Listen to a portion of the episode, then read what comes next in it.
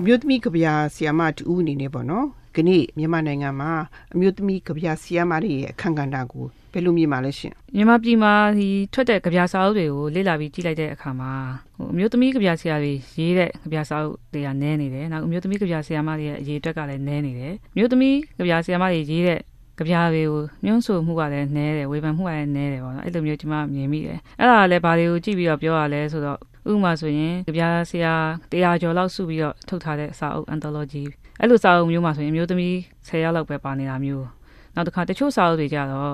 ဒီကြပြဆရာတွေကစုပြီးတော့အမှတ်တရထုတ်တဲ့စာအုပ်ပေါ့ဆရာပေါင်း30ကျော်40ကျော်အဲ့မှာအမျိုးသမီးတယောက်မှမပါမျိုးတော့မှတွေ့ရတယ်ဒါပေမဲ့သူတို့ကအမျိုးသားများတည်တံ့ထုတ်တဲ့စာအုပ်လို့တော့လည်းရေးမထားပြန်ဘူးအဲ့လိုဆိုတော့ဒါမေ့ကြံခဲ့တာဖြစ်ကောင်းဖြစ်မယ်ဒါမှမဟုတ်အမျိုးသမီးရေးတဲ့ကြပြတွေကအားသိမကောင်းလို့ယူဆမျိုးလည်းဖြစ်ကောင်းဖြစ်မယ်ပေါ့နော်ဒီတော့ဒီနေရာမှာကွက်လက်တစ်ခုတော့ရှိနေပြီလို့ကျွန်မထင်လိုက်ပါတယ်ဟုတ်ကဲ့ဟိုမြန်မာနိုင်ငံမှာတကယ်ကြတော့လူဦးရေတစ်ဝက်က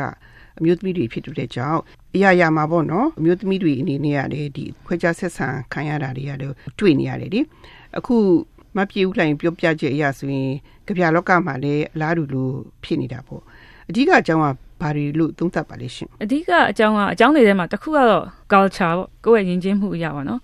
ကြပြဆိုတာမျိုးကတခြားအမှုပညာအမျိုးအစားတွေထဲမှာသူကလည်းအင်မတန်မှဒီစကလုံးကိုအခြေပြုပြီးတော့လွတ်လွတ်လပ်လပ်တွေးခေါ်လွတ်လွတ်လပ်လပ်ရေးသားရတဲ့ကိစ္စမျိုးတွေပေါ့ကျမတို့ရဲ့ယဉ်ကျေးမှုမှာကတချို့အကန့်အသတ်အတားအဆီးလေးတွေရှိနေတယ်ရဲရဲတွေးရဲရဲရေးဖို့ဆိုတဲ့ဟာမျိုးမှာအကန့်အသတ်ကလေးတွေရှိနေတယ်နောက် ဘဟုတုတအနေနဲ့ပေါ့ရိုးရာပုံစံအဖြစ်ရတော့အမျိုးသမီးတွေကဒီကိုယ့်ရဲ့အိမ်မှုကိစ္စတို့ဒီအမျိုးသမီးရေးရာကိစ္စဒါမှမဟုတ်လည်းနှလုံးသားရေးရာဒီလိုမျိုးတွေကိုပို့ပြီးတော့ဦးစားပေးပြီးတော့စီးပွားရေးတို့လူမှုရေးတို့ဒါတွေမှာပါဝင်မှုကနည်းပါးနေတယ်လို့ယူဆရတယ်ပေါ့နော်အဲ့လိုဆိုတော့သူတို့ရဲ့ရေးသားတဲ့ဒီကြပြားတွေမှာဆိုရင်လည်းဒီလိုအကြောင်းအရာမျိုးတွေကိုထင်ရတာမျိုးကနည်းနေမယ်ဆိုရင်အများစုဖြစ်တဲ့ကြပြားစရာတွေဂျာထဲမှာဟိုစိတ်ဝင်စားမှုမရှိဘူးဒါမှမဟုတ်အစကတည်းကအမျိုးသမီးဆိုရင်တော့ဒီလိုဒီလိုပဲရေးမှာပဲကွာဆိုပြီးတော့ဟိုသူတို့က သိပြီးတော့အာယုံမဆိုင်ကြဘူးပေါ့လက်တွေ့မှာတော့အခုအမျိုးသမီးတွေကတဖြည်းဖြည်းနဲ့ဒီအမျိုးသားတွေလိုပဲတခြားနယ်ပယ်တွေမှာနောက်တော့ဝေဖန်တွေးခေါ်တဲ့နေရာတွေမှာရေးလာကြတယ်ဒါပေမဲ့ဒါကိုဟိုအလေးထားပြီးတော့စိတ်ဝင်စားခံမှုတော့လိုနေသေးတယ်လို့ကျွန်မထင်ပါတယ်ဒါကြောင့်မို့လဲအခုလိုမျိုးဒီမဂ္ဂဇင်းတွေမှာဖြစ်ဖြစ်စာအုပ်တွေမှာဖြစ်ဖြစ်မျိုးသမီးကြပြားတွေတွေ့မြင်မှာမှုကနည်းနေပါသေးတယ်အဲ့တော့အမျိုးသမီးကြပြားဆီယာမတွေဟိုထောက်ခံအားပေးတာပေါ့နော်နည်းနေသေးတယ်ဆိုတော့ကြပြားဆီယာမတူအနေနဲ့ပေါ့နော်ဘယ်လိုလှူဆောင်ပေးသေးတယ်လို့ ထင်ပါလဲပထမဆုံးကတော့ဒီစာပေအတိုင်းဝိုင်းနေနေပေါ့စာပေအတိုင်းဝိုင်းမှာမှဒီကြပြအတိုင်းဝိုင်းပေါ့ဒီလိုမျိုးမင်းတို့ရေးတဲ့ဥစ္စာကထူးချွန်ထူးခြားလာရင်တော့ဖော်ပြခင်းခံမှာပဲဆိုတဲ့အနေအထားစာဒီထက်နည်းနည်းလေးပို့ပြီးတော့အသိအမှတ်ပြုမှုဒါမှမဟုတ်လို့ရင်ရှာဖွေပေါ့အမျိုးသမီးကြပြဆရာမတွေဟာရှိလားရှိလားဘယ်လိုကြပြမျိုးတွေရှိတယ်လဲဟုတ်ပြီဒါကိုတေရှာလိုက်ပြီးတော့ရှာဖွေမယ်ဒီမဂ္ဂဇင်းတွေမှာပို့ပြီးတော့အများရေးလောင်အားပေးမယ်ပေါ့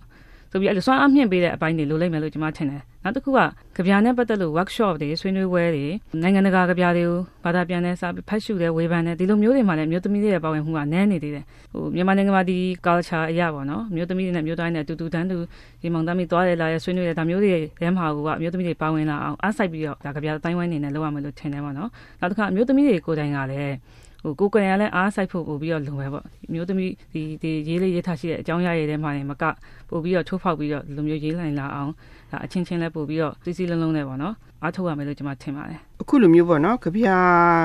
ရေးသားမှုကိုအားပေးမှုနေနေတဲ့မြန်မာနိုင်ငံမှာပြည်လှိုင်ဦးကကြပြဆရာမတူဖြစ်လာတယ်ဆိုတော့ ကြပြဆီယာမတူဦးအနေနဲ့ရှောက်လှမ်းခဲ့ရတဲ့ခရီးလေးကိုနည်းနည်းပြန်ပြောပြပေးပါလားရှင်ကျမဒီကြပြကိုအဓိကစိတ်ဝင်စားတဲ့အကြောင်းကနံပါတ်1ကတော့ကျမရဲ့မိဘတွေအကြောင်းပါပဲကျမအဖေကိုယ်တိုင်ကလည်းကြပြဆရာတယောက်ပါသူတက္ကသိုလ်မှာရေးတယ်မြန်မာစာနေပြီးတော့ကျောင်းပေးတယ်ဆိုတော့ကျမငငယ်ကလေးတွေကသူကကြပြဆိုတာနဲ့မိတ်ဆက်ပေးတယ်မိဘတွေကအားပေးတယ်နောက်ကြတော့ကျမဟိုတက္ကသိုလ်ရောက်တဲ့အခါမှာကျမတက္ကသိုလ်မဂ္ဂဇင်းတွေမှာကြပြရေးတယ်ဝတ္ထုတွေပါလည်းရေးပါတယ်အဲ့လိုပြီးသွားပြီးဒီစင်ကာပူမှာကျမ ကျောင်းဆက်တက်ဖို့သွားတယ်အဲ့ဒီအချိန်မှာစာပေနဲ့ဆက်ပြတ်သွားတယ်ပြီးတော့မှ2009နှစ်ဦးပိုင်းလောက်မှာကျွန်မ blogger Pandora ဆိုပြီးတော့ blog ထဲမှာကြပြအပါဝင်တခြားစာပေလေးရေးပြီးတော့တင်ခဲ့တယ်ပေါ့နော်အဲ့ဒီမှာမှ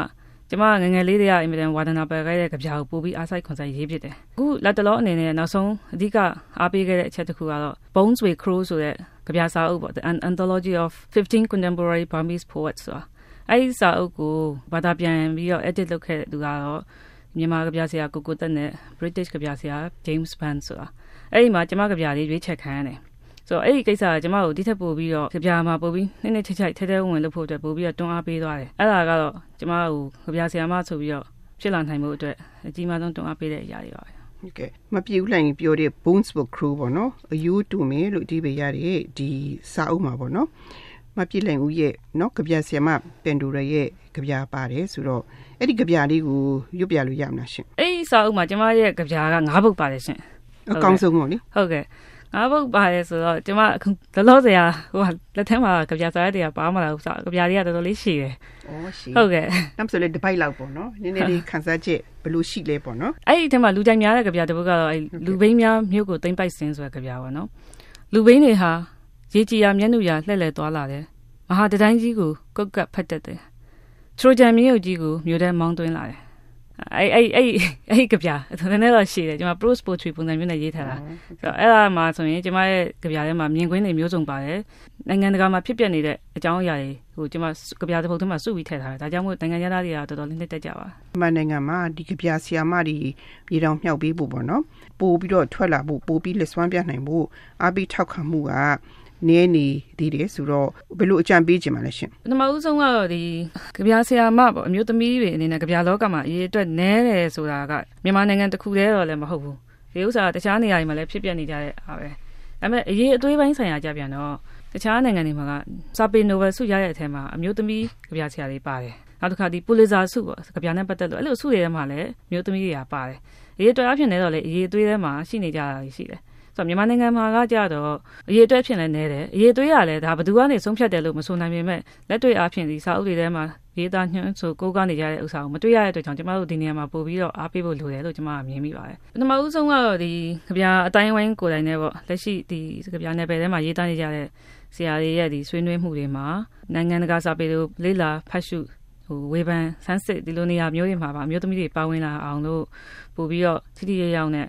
ဆွဲခေါ်ပေးရမယ်။နောက်အမျိုးသမီးတွေကိုယ်တိုင်ကလည်းဒီလိုမျိုးမှာစိတ်ပြလက်ပါနဲ့အချိန်ပေးပြီးတော့ပါဝင်ဆွေးနွေးလာနိုင်အောင်ပေါ့နော်။ဒီကြပြကိစ္စကိုဟိုအလေးထားပြီးတော့လုပ်ဆောင်နိုင်အောင်အတွက်ညီမတို့တွေတွန်းအားပေးဖို့အများကြီးလိုပဲထင်ပါတယ်။မြန်မာနိုင်ငံမှာတော့ကြပြဆီယာမတွေပေါ့ထောက်ခံအားပေးမှုဟာ